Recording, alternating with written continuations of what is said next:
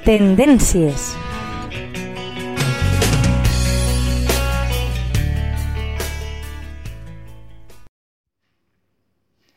Hola, amics de la teua ràdio. Benvinguts una setmana més al Tendències.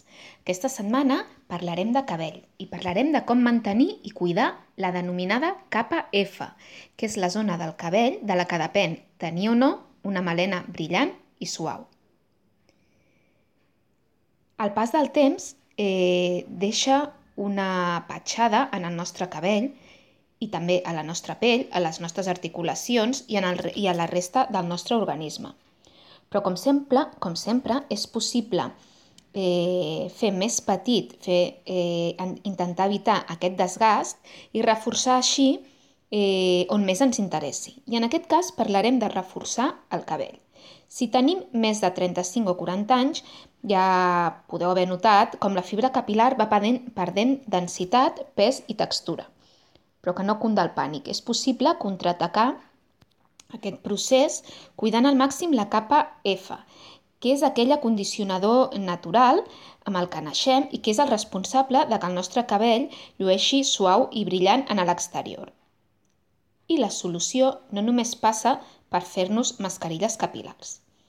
Tot i que no haguem sentit parlar d'ella, la, cap, la capa F és eh, central, és un, un, una capa molt important en la bona salut del cabell. Es tracta de la capa més externa de la fibra capilar, que sella la cutícula i impedeix que eh, absorbeixi massa aigua o massa humitat.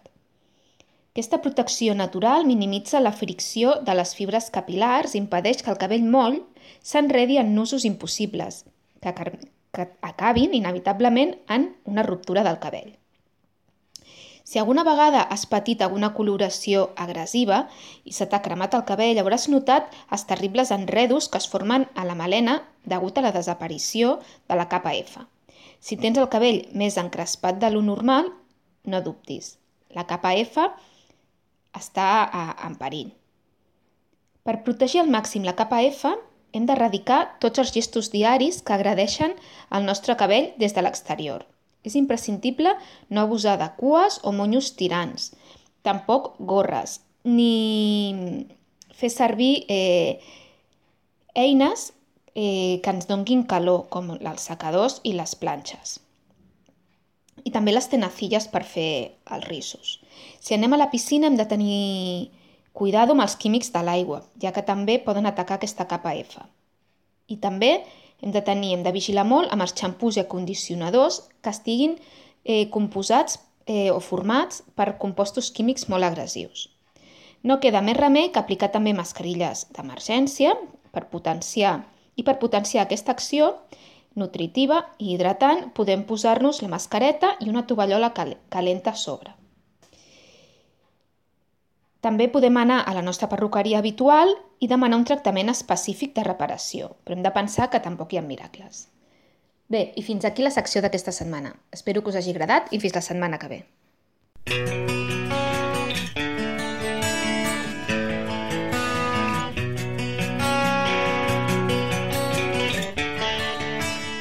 Tendències.